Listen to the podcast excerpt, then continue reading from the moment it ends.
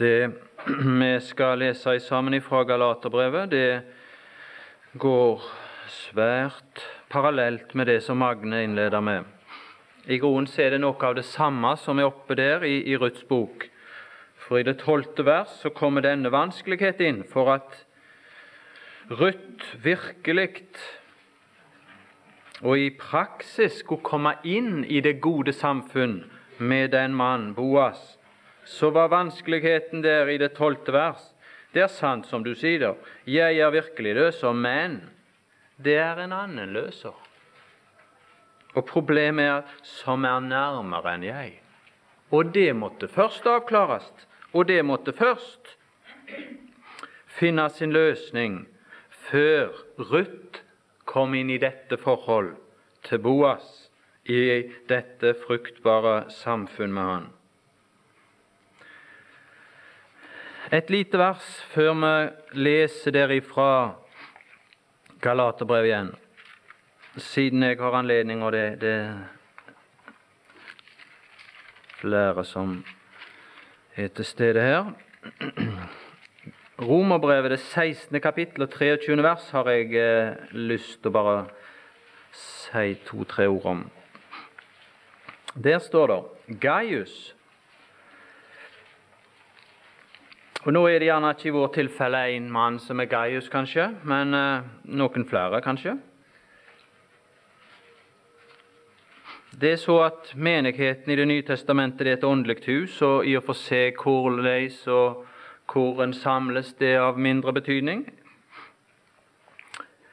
I en viss forstand uvesentlig i den store sammenheng, men ikke så uvesentlig at ikke Det nye testamentet nevner det. Og i dette det 16. kapittelet her nevnes det gjentatte ganger menigheten i deres hus, i deres hus. Det var noen som stilte sitt hus åpent.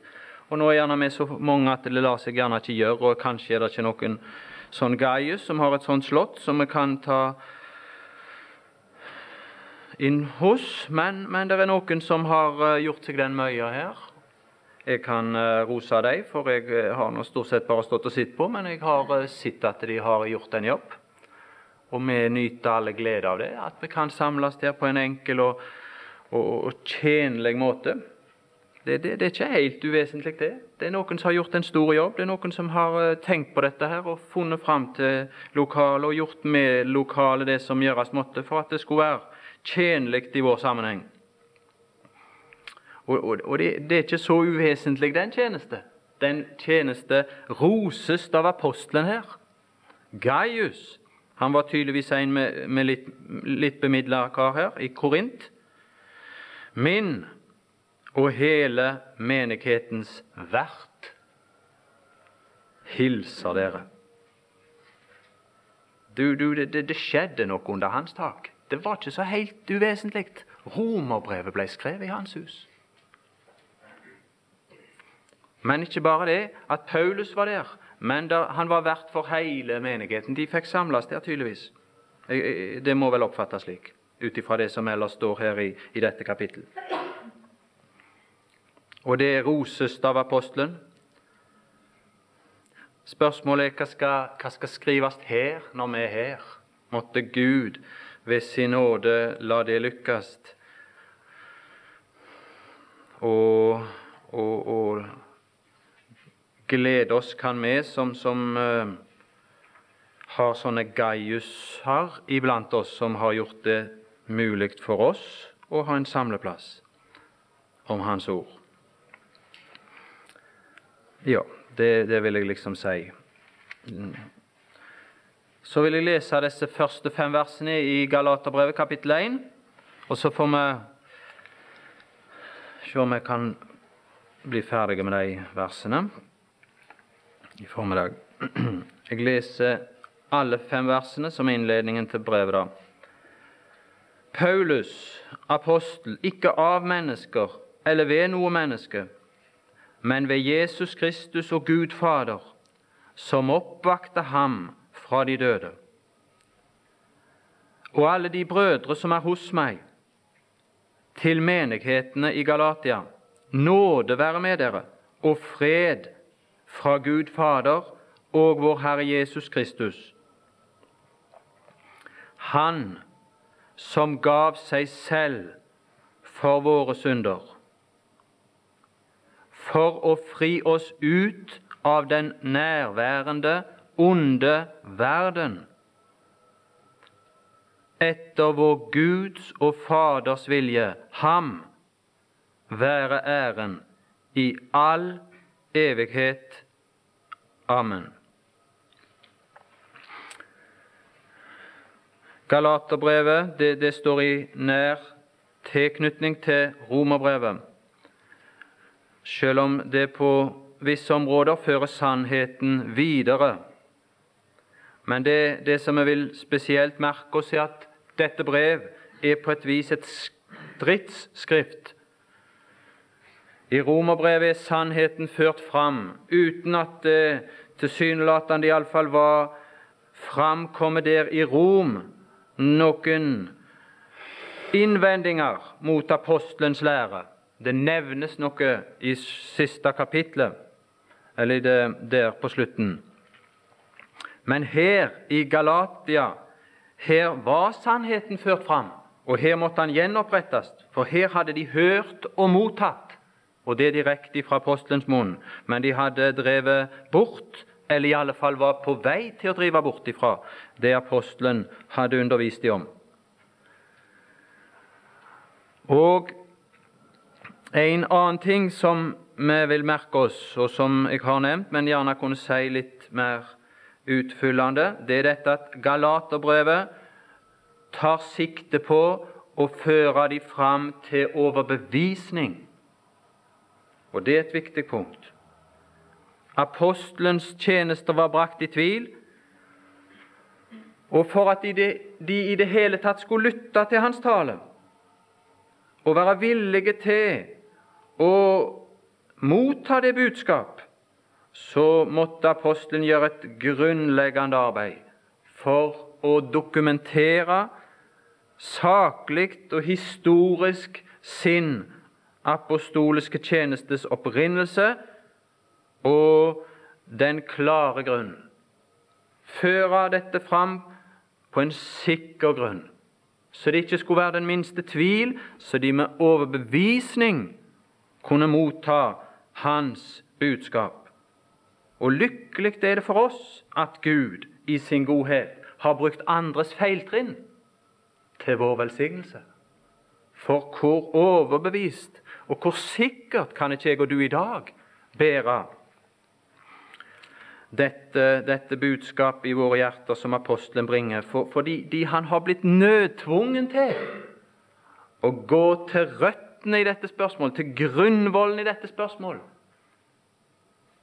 for sin tjeneste og måtte dokumentere det og lagt det i dagen i sine enkelheter. Skulle det vært tvil hos oss, så er det tilstrekkelig bevisførsel her til å drive tvilen ut. Gud i sin nåde har, har brukt deres feiltrinn til vår velsignelse. Disse fem første vers er som sagt innledningen, og de angir tonen klart i dette brev. Vi får i dette, disse innledningsvers forståelsen av at all menneskelig autoritet tilsidesettes. Og direkte autoritet fra Gud Fader og Jesus Kristus er hans apostoliske tjeneste. Direkte avleda, ikke mellommenn kom inn her. Ikke noen sånne usikre punkter. På vei til Han er dette budskap kommet. Han har tatt det direkte fra kilden. Og det medfører en autoritet i det han sier her. Første ledd og tredje ledd i hilsen har vi, som vi sa sist, har noe tillegg. Første del er jo sender. Andre del er den det er sendt til, nemlig det som står i vers 2 og siste del, til menigheten i Galatia. Og tredje ledd er den hilsen som kom i det tredje verset. Og det har òg et tillegg. Vi så at det var svært betydningsfullt, det første tillegget, nemlig det som var etter Paulus apostel. Når han utdyper det, Men det er òg betydningsfullt, det som kommer til tredje ledd av hilsenen, nemlig etter det tredje verset. Um,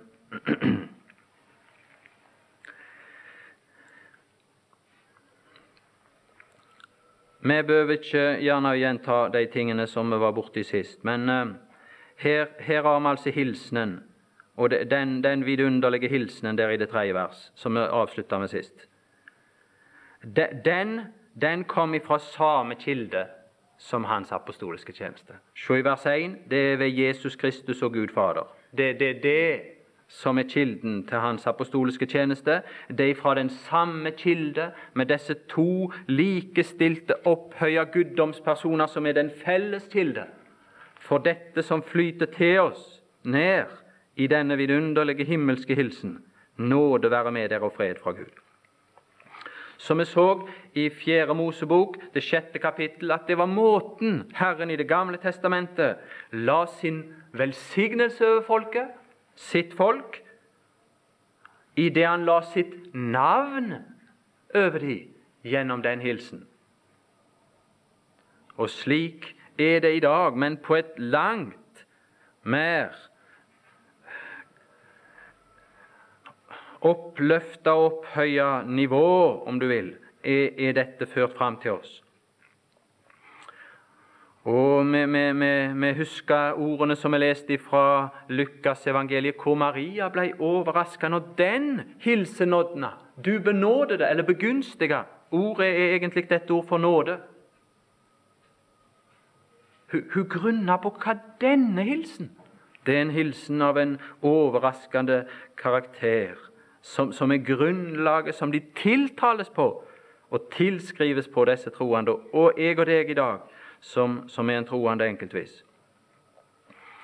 Vi ser, Jeg skal bare si bitte litt om det ordet nåde. For, for det, det, ser vi hvis vi ser i det sjette kapittel og det attende vers, så ser vi at han legger dette inn over de nok en gang før brevet finner sin ende.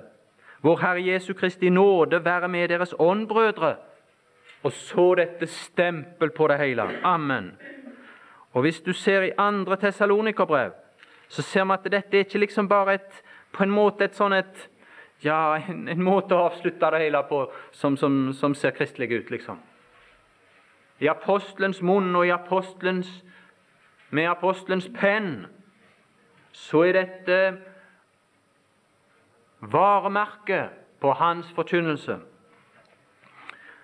Andre test 3, 17 og 18. Hilsen med min Paulus hånd.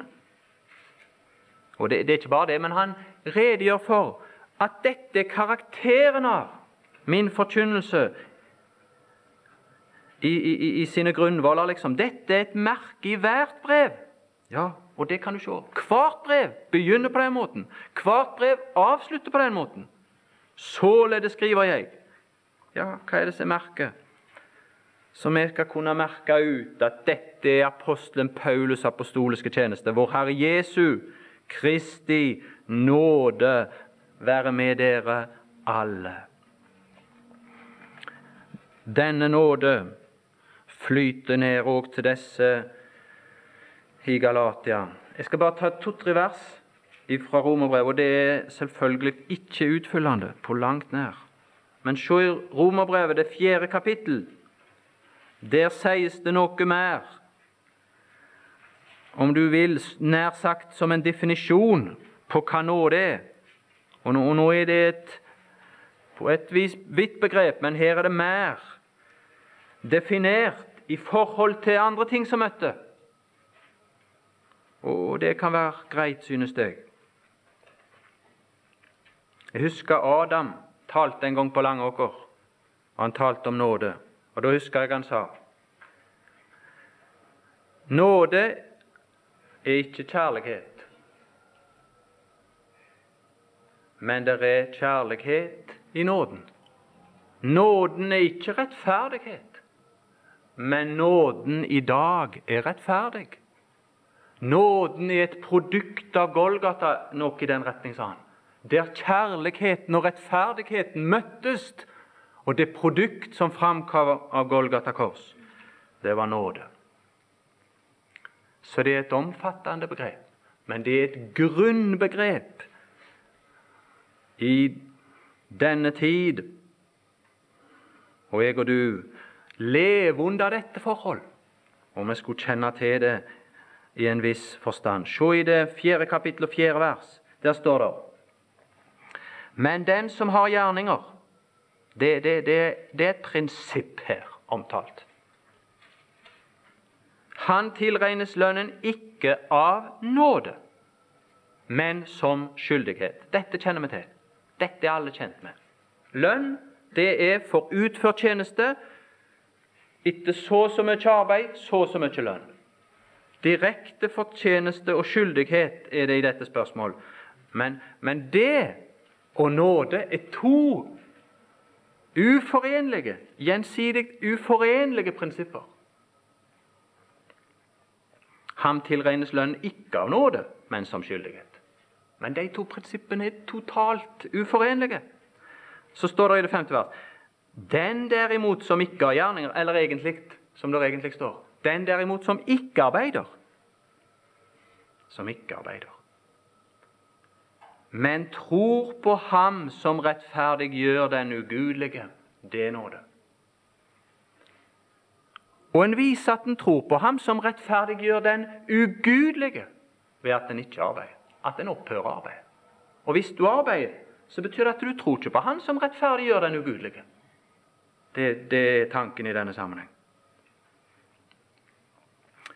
Det er ikke noe sterkere ord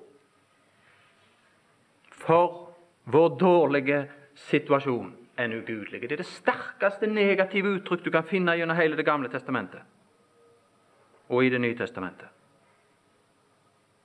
Ugudelige. Du kan ikke bli verre. Du blir ikke rettferdiggjort som en hellig.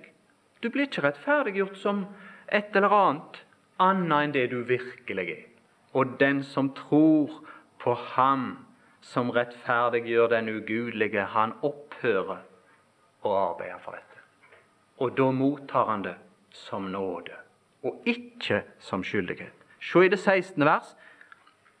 Der står det òg en framheving av hva nåde er. Derfor fikk han løftet ved troen, for at det kunne være som en nåde. Som en nåde. Du må motta nåde som nåde, ikke som et sånn halvopplanda produkt. Nei, apostelen vil ikke vite av sånne ting. Nei, her er det uforenlige prinsipper. Og forsøker å forene dem, så ødelegger en begge deler. En ødelegger begge deler. Loven hadde sin gjerning til å føre fram en overbevisning i sjelen om ugudelighet. Nåden er at Gud trer inn på et annet grunnlag, og så gir Han. Ikke bare at det er ufortjent, det er det, men det er noe langt mer. Det er det at du fortjente rakt det motsatte. Du fortjente rakt det motsatte. Det er ufortjent gunst på tross av at du fortjente rakt det motsatte. Du har ikke opparbeidet deg noen fortjeneste i den retning. Som er nåde. Som er nåde. Nåden må mottas som nåde. Ikke blande opp med noe annet. Se i det ellevte kapittelet og det sjette vers. Det var ikke likegyldig for apostelen, og det skulle ikke være likegyldig for meg og deg. For er det opplanda med andre ting, så er vår situasjon alvorlig utsatt. Der står det i det sjette vers Men er det av nåde? Det er et prinsipp. Og det er ikke et sånn flytende prinsipp. Men er det av nåde, sier apostelen, da er det ikke mer av gjerninger. For det er et annet prinsipp. Hva skjer da hvis du blander disse ting? Ellers blir nåden ikke mer nåde. For nåden er noe helt spesielt. Det Det er Guds ufortjente gunst i godhet mot de som fortjente rakt det motsatte. Og Gud har et grunnlag å kunne gjøre dette på. Det flyter ut av Kristi kors, dette. Og nå var apostelen nikjær for å opprettholde dette og, og føre dette fram. Og skulle ikke det være maktpåliggende for meg og deg? Tenk om det ikke var på dette grunnlag. Så var det utgjort for meg og deg. Det var utgjort. Det var ikke et fnugg av håp. Kan vi være likegyldige med det? Nei, det kan vi ikke være likegyldige med. For vår egen del, og heller ikke for de andres del, som har det samme behov. Men den vidunderlige ting i evangeliet er dette at Gud kommer og møter oss på det verste punkt. Og frelser oss på det verste punkt som ugudelige. Selvfølgelig det ligger mer i dette begrepet nåde når det kommer her i det tredje vers. Men det som føyes til her nå, det kommer et tillegg til denne hilsen i det tredje vers der i Galaterbrevet. Og det er uvanlig. Det finnes ikke ellers i Paulus sine brev. At det utdypes videre. Men altså nåde være med dere og fred fra Gud Fader og vår Herre Jesus Kristus. Hvor? Jo, som gav seg selv for våre synder. Ja, han hadde forkynt i dette. Han hadde forkynt i dette. Du kan se i det tredje kapittelet og første vers. ikke sant? Han hadde drevet på med det når han kom der første gang. Dere som har fått Jesus Kristus malt for deres øyne som korsfestet. Han hadde forkynt i dette, hadde de glemt det. Hadde de ikke nådd inn? Siden de nå kunne tenke seg å vende seg litt en annen vei og være litt mer fleksible med å ta inn judaistisk forkynnelse og tenke annerledes om disse ting, hadde de glemt det. Nåde og fred fra Gud Fader og vår Herre Jesus Kristus, Han som gav seg selv for våre synder. Gav seg selv for våre synder. Han, han, hva mer kunne han gitt? Hva mindre ville ha gagna? Han som gav seg selv for våre synder. Han gav seg, og han gav seg frivillig. Han gav seg selv. Men samtidig så det er dette, denne sida ved det, så ser vi på slutten av verset at han gjorde det òg i lydighet. Etter vår Guds og Faders vilje. Det er vidunderlig. Magne nevnte her i begynnelsen. De gikk begge sammen. Der fra første Mosebok 22. Faderen og Sønnen var ett om denne handling. Men her kom Han, Han som kom den veien ned. Han kom i selvhengivenhet, men det var en selvhengivenhet for våre synder. Men det var i lydighet mot Faderen. Det var etter Hans vilje. Og de var ett i denne sak. De var ett i det første vers til å være opprinnelsen til Paulus' apostoliske tjeneste. De var ett kild, som kilde i det tredje vers for det som flyter oss ned ned til oss nå.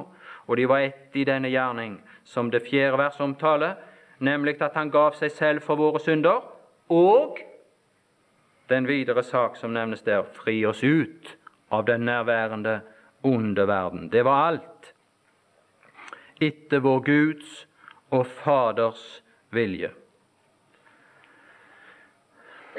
I Kolossenserbrevet, hvis du leser det brev grundig og nøye, så vil du se at der er hovedangrepet retta først og fremst mot Kristi person. Mens her i Galaterbrevet tror jeg vi kan si at hovedangrepet rettes mot Kristi verk. Det er ikke det at det er direkte. Det er ikke det at det er sånn åpen anslag mot Kristi verk. Å oh, nei, nei. Og Derfor er det så mye vanskeligere å få øye på. Det som de mente i praksis, det var jo dette at noe måtte legges til. Og det innbefatter jo at verket i seg sjøl var ufullstendig som det var.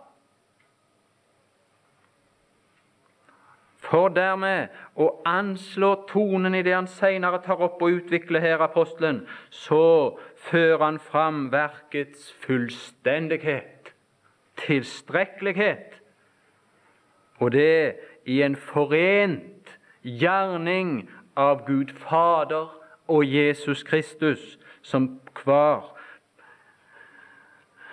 på sin måte var med i denne gjerning og i denne handling, og som derfor prises i det femte vers. Det kosta han noe, dette her, han som gav seg selv for våre synder. Hvis du ser i det andre kapittelet, i det 20. vers, så gjentas dette uttrykk. Uh, og der, og der, der sies det hva som er utgangspunkt og bakgrunn for dette, som er uttrykt i uttrykket 'gav seg selv'. Se i slutten av det 20. vers. Helt siste ledd gav seg selv. Og her er det ikke for våre synder. Det var i det første kapittel. Han gav seg selv for våre synder. Og den sak tok han opp og ordna fullkomment i sin død. Men her i det andre kapittel så legges det til liksom en ny ting. For meg, for meg. Det er vårt første behov å få vite at våre synder og alt det er tatt opp, ordna, avgjort gjennom hans død og hans verk. Men du, hvor mye mer tiltrekkende er det ikke å vite dette gav seg selv, ikke noe mindre sin egen person gav seg selv for meg, for meg. Og så hva er det som lå bak den handling? Hva var det som drev den handling fram? Jo, det står foran 'som elsket meg'. Det var det som lå bak handlingen. Som elsket meg og gav seg selv for meg. Hvor det må tale til hver enkelt av oss, dette. Jeg kan sitte du kan sitte der, jeg kan stå her og tenke for meg. Om det ikke var andre, så var det kjærlighet nok i hans hjerte for meg til at han gav, og ikke bare gav et eller annet. Kjærlighet, Guds kjærlighet er ikke uttrykt ved at han gir et eller annet. Vi uttrykker vår kjærlighet kanskje gjennom det i, i gaver som er større eller mindre, men han, han gav seg selv i en selvhengivende kjærlighet i døden for oss. Og så, etter det er sagt, så kommer, kommer apostelens vurdering der i det 21. vers. Og, og, og tror du ikke det er et poeng i det for galaterne? Var de begynt å glemme disse ting? Var de begynt å vurdere annerledes storheten av disse ting?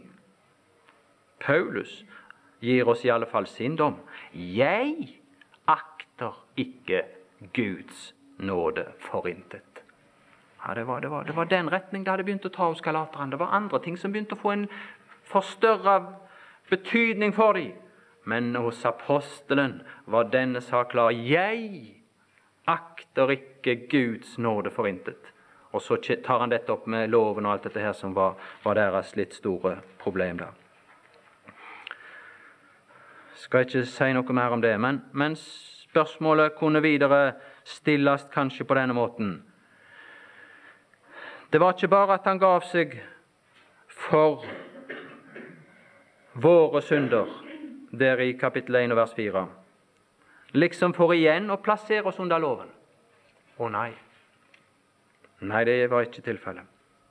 Når han gav seg sjøl for våre synder og tok dem bort, så var det det videre siktemål med denne gjerning for å fri oss ut av den nærværende onde verden.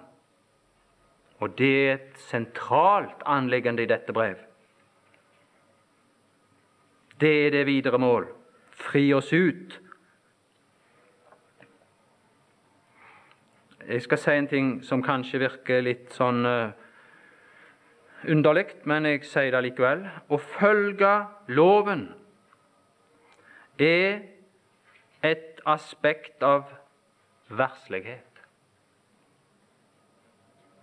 Hvor underlig den høres ut. Loven angår mennesket i kjødet så lenge du lever her, i tilknytning til verden, Men loven hersker over mennesket så lenge det lever, sier Romerbrevet 21. Her, tilknytta denne verden. Er det den kristnes plass? Er det vår plass i dag? La oss se i Kolossenserbrevet, det andre kapittel.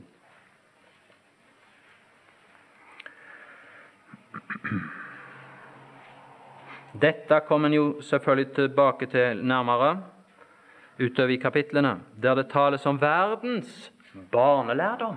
Verden her er omtalt under et religiøst aspekt, under en religiøs synsvinkel. Og se nå, der i Kolossenserbrevet 2.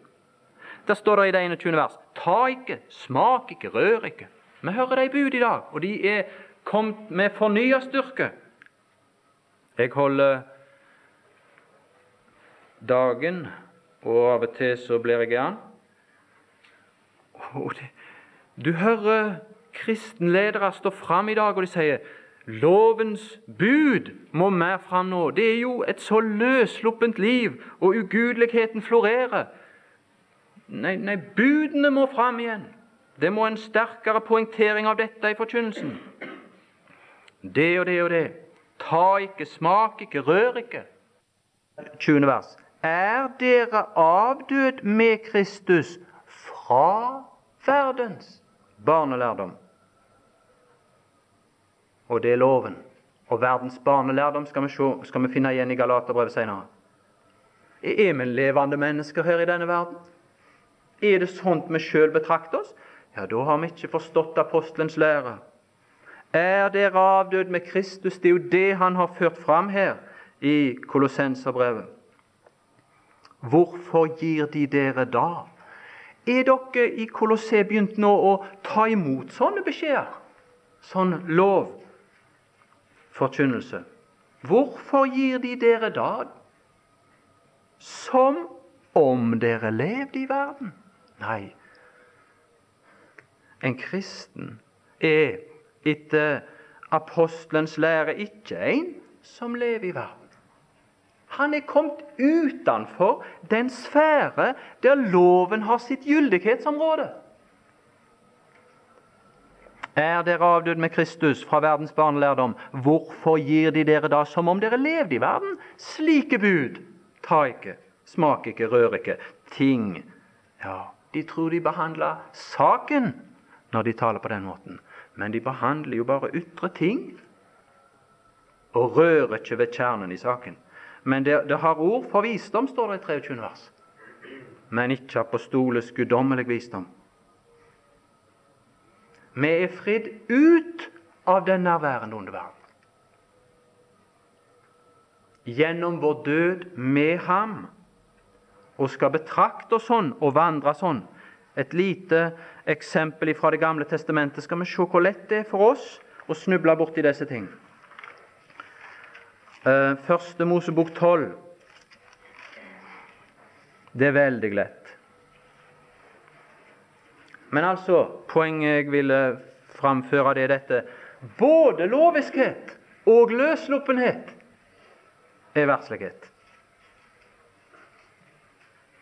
Vi er ikke vant til å tenke sånt, men det er slik.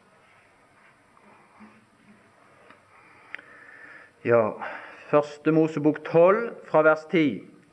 Så ble det hungersnød i landet. Det er krise, det. Det er krise, det.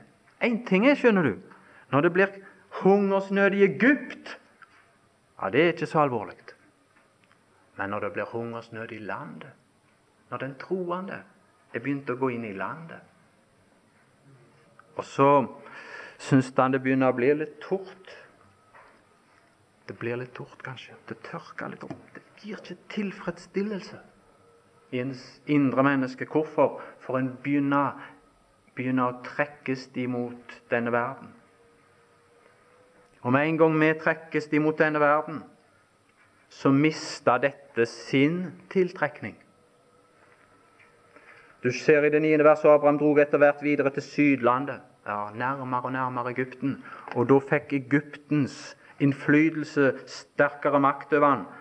Og Herren ser ikke uten sjalu nidkjærhet på det, og så, og så kommer det en prøvelse i landet. Jeg tror at enhver av oss som lever med Herren, har kjennskap litt til dette. her. Det, det er ikke noen enkelte som er utsatt for disse farer, men vi er utsatt for det. Hver og en av oss er utsatt for det, og hver og en av oss har hatt en sånn en tur ned til Egypt. Ikke én, kanskje bare.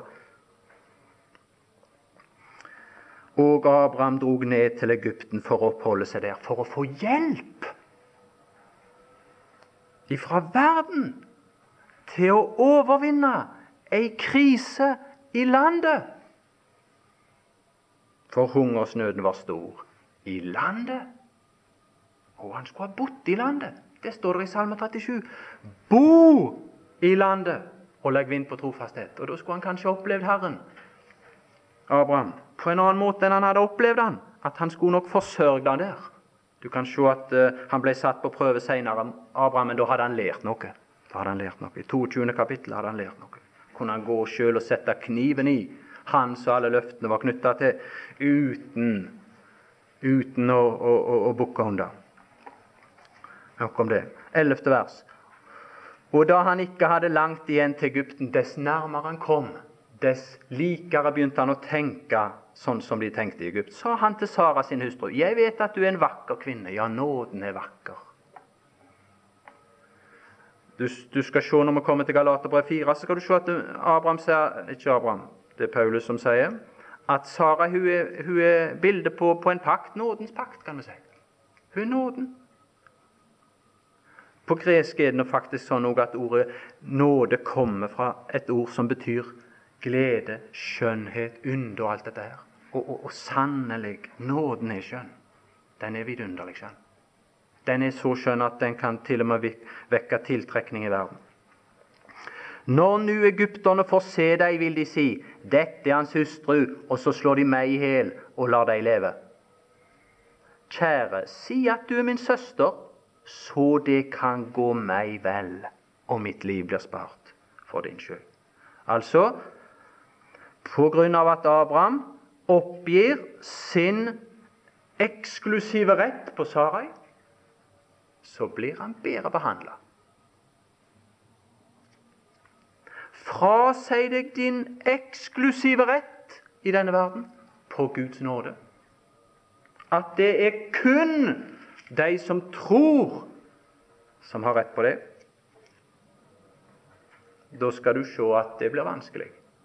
Men oppgi det eksklusive krav som troens mann må gjøre i denne verden på Guds nåde. At det er ikke noe som er sånn fritt for alle og for verden. Men det er noe som hører troens menneske til. Frasi deg den retten, hva så? Så åpner du for et annet forhold. Da kan du inngå andre forhold. Hvis du frasier deg denne forbindelse med nåden, ja, så åpnes det for andre forhold. Og de kommer raskt. Se i det 16. vers. Jeg skal ikke gå inn på dette her så voldsomt, for tida den flyr ifra oss. Se i det 16. vers. Og han Ja, hvis du frasier deg den ene rett på nåden, så, så, så får du goodwill. Og det er det som har vært Kirkens dilemma fra den første dag, når, når de begynte å tillempe seg denne verden det at når de gav avkall på dette eksklusive rettigheten på at det er troens mann som eier disse ting, og verden ligger i det onde Da fikk de goodwill og bedre stillinger og, en, en verslig posisjon, og, og, og tingene endra seg. Hvis du søker verdens hjelp, så kan du ikke si det at verden ligger i det onde. Og det er midt alt ved Guds nåde. Du kan ikke si det. Du må oppgi det, da. Og det gjorde Abraham. Og så, fikk, så ser du hva han fikk der i det 16. verset. Han fikk trellkvinner. Når han frasa seg sin, sitt forhold til Sara, så åpnes det for andre. Og I det 16. kapittel ser du at han inngår en forbindelse med ei som han hadde fått der. Hagar kom inn. Hagar kom inn. Og Hagar sier apostelen i Galaterbrevet, det er lovens, lovpakten. Går du ned til verden, så tenker du som verden, og verdens barnelærdom får sin plass, og du, du, du, du føyer deg inn etter disse ting. Å, hvor det er lett. Å, hvor jeg kjenner det i mitt innvortes menneske, hvor lett de samtaler med verslige mennesker. Og hvis de da taler om religion og sånt, at du kan på en måte gå inn og tale om disse ting på deres premisser. Som er sømmelig og ordentlig sånn sett i denne verden, men se oppgi det eksklusive krav du har som en troens mann på nåden. Knytter du deg til nåden og har den offentlige bekjennelse, så er det ikke plass for trellkvinner. Men merk, men merk, det er trellkvinner. Det fører til trelldom. Og det er trelldom. Ja, det var et eksempel. Det var dette som var problemet i Galatia. Troens mann har det problem så lenge han går her. Men nå var Faderens vilje annerledes. De skulle ut av dette systemet. De skulle fries ut av den nærværende onde verden etter vår Gud og Faders vilje. Faderens vilje nå er annerledes. Faderens vilje nå er det som Magne sa i innledningen her. Det er nå hans hensikt å ha oss hos seg som i et hjem. Du kan se det i det fjerde kapitlet. Det skal utlegges ganske ettertrykkelig. At han hadde det annerledes før. Du kan se de tre første versene. Der går han over den tidligere periode for Guds barn, hvordan det hadde vært å være under lovsystemet. Men nå har han endra sin holdning til dette.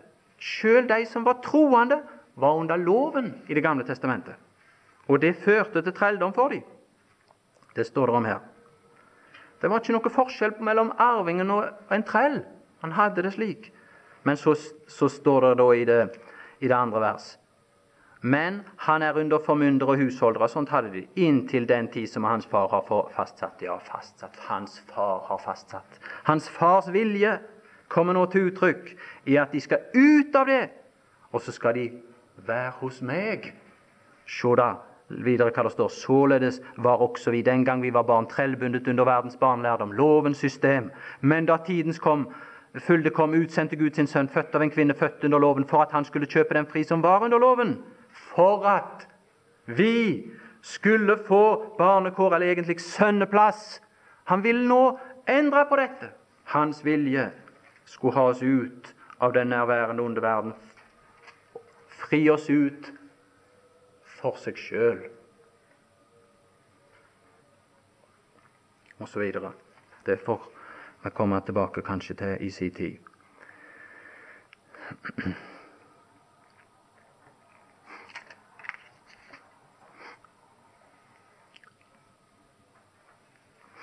Ja vel, det femte vers, kort om det femte vers.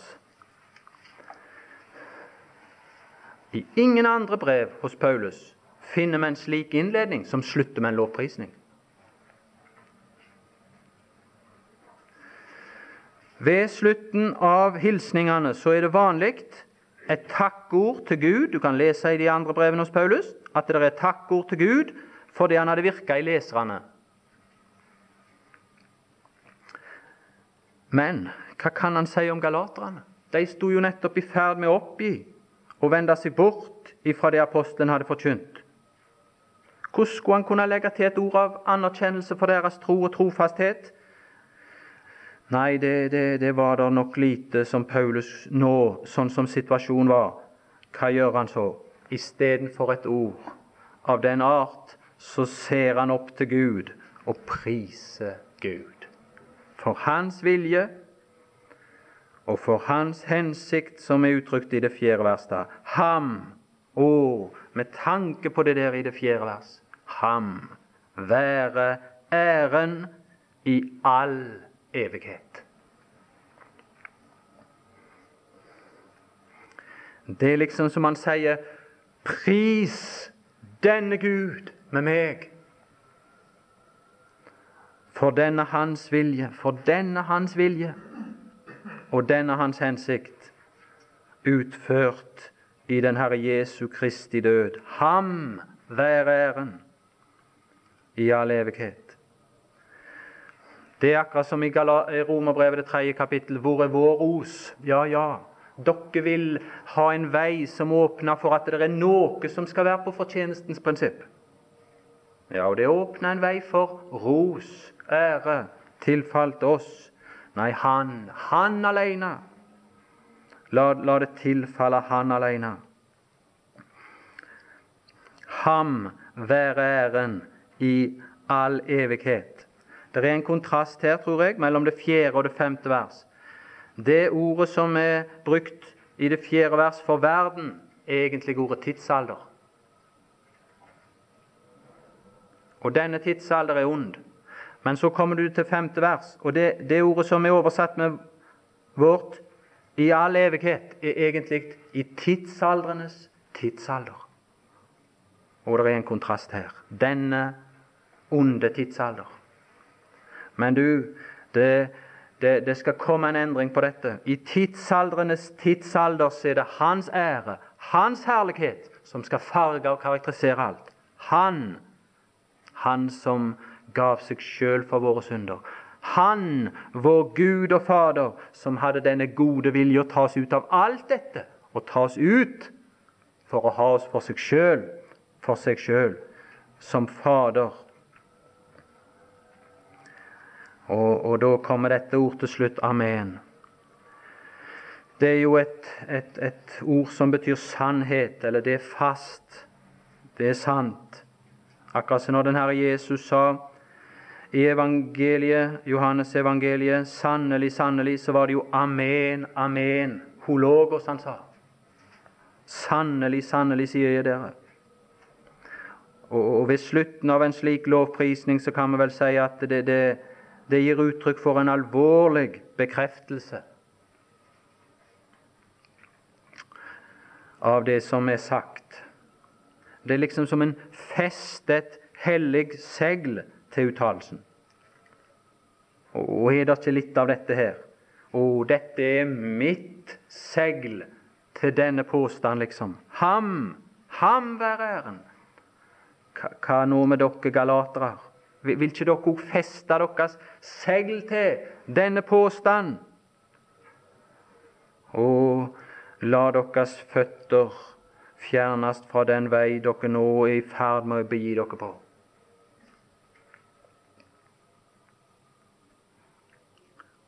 Amen til, til denne sats her i det femte vers. Det var apostelens avslutning på på innledningen til dette brev. Skal vi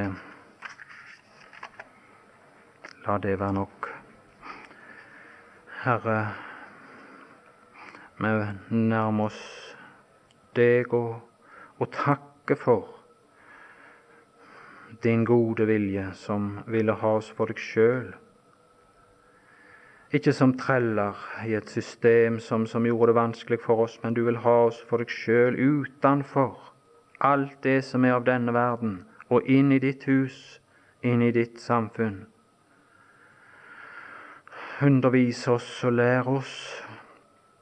Lær oss òg å dømme oss sjøl når, når, våre føtter så, så lett kan, kan ta den veien som Abraham sine føtter tok. Men du opp, gjenopprette Abraham. Og du sendte Paulus for å skrive dette brev til deg i Galatia, for å gjenopprette deg ifra fra den, den, tendens som var i deres liv. Å Herre, vi, lovpriser deg for dette som står i den salme som, som vi liker så godt. Han vederkveger min sjel, han gjenoppretter min sjel. Og var det ikke sånn for oss, så hadde vi våre føtter fortsatt vært i, i dette Egypt. Vi vil takke deg og be om nåde til for vår egen del og for de andres del å holde fram dette ord klart i renhet, så nådens budskap kunne nå òg de utenfor, og gi de å forstå at dette må de ta imot i tro for å ha noe rett på for sin del. Bruk oss òg på den måten, og takk for anledningen til å samles. Amen.